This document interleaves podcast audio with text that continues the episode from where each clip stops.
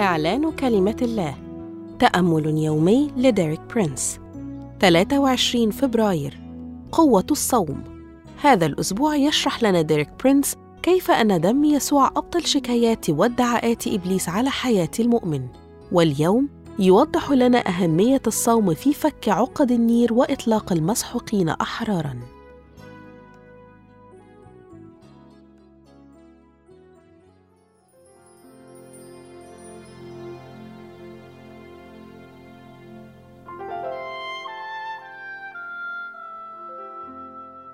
في إشعياء 58 العدد من ثلاثة إلى خمسة يقول: ها إنكم في يوم صومكم توجدون مسرة وبكل أشغالكم تسخرون.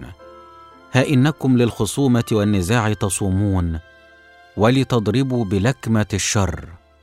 أمثل هذا يكون صوم أختاره يوما يذلل الإنسان فيه نفسه يحني كالأسلة رأسه.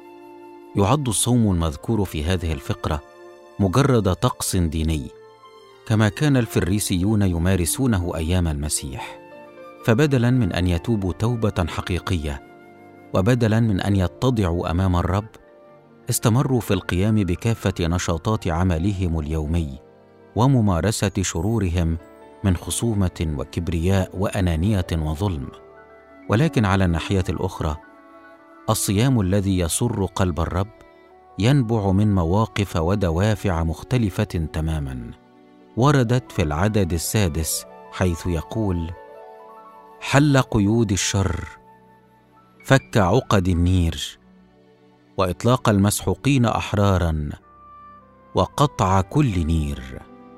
وتؤكد كلمة الله والخبرة على حد سواء أن هناك مقيدين لن يتحرروا. ومسحوقين لن يطلقوا وأنيار لن تكسر إلا عندما يطيع شعب الرب.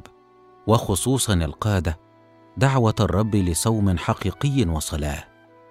ويكمل إشعياء النبي في العدد السابع ويصف السلوك العملي تجاه المحتاجين والمقهورين والذي يشكل جزءا من الصوم الذي يقبله الله فيقول أن تكسر للجائع خبزك وأن تدخل المساكين التائهين إلى بيتك. إذا رأيت عريانا أن تكسوه وألا تتغاضى عن لحمك. يجب أن يرتبط الصوم المقبول بالمحبة الصادقة والعملية في تعاملنا مع من حولنا ولا سيما مع أولئك المحتاجين إلى تعضيد مادي ومالي. أشكرك يا رب من أجل دم يسوع. أطيع دعوة الرب للصوم والصلاة لكسر القيود وإطلاق المسحوقين وتحرير المظلومين وكسر الأنيار. وأعلن أن الشيطان ليس له مكان في ولا قوة علي ولا أي شكاية ضدي.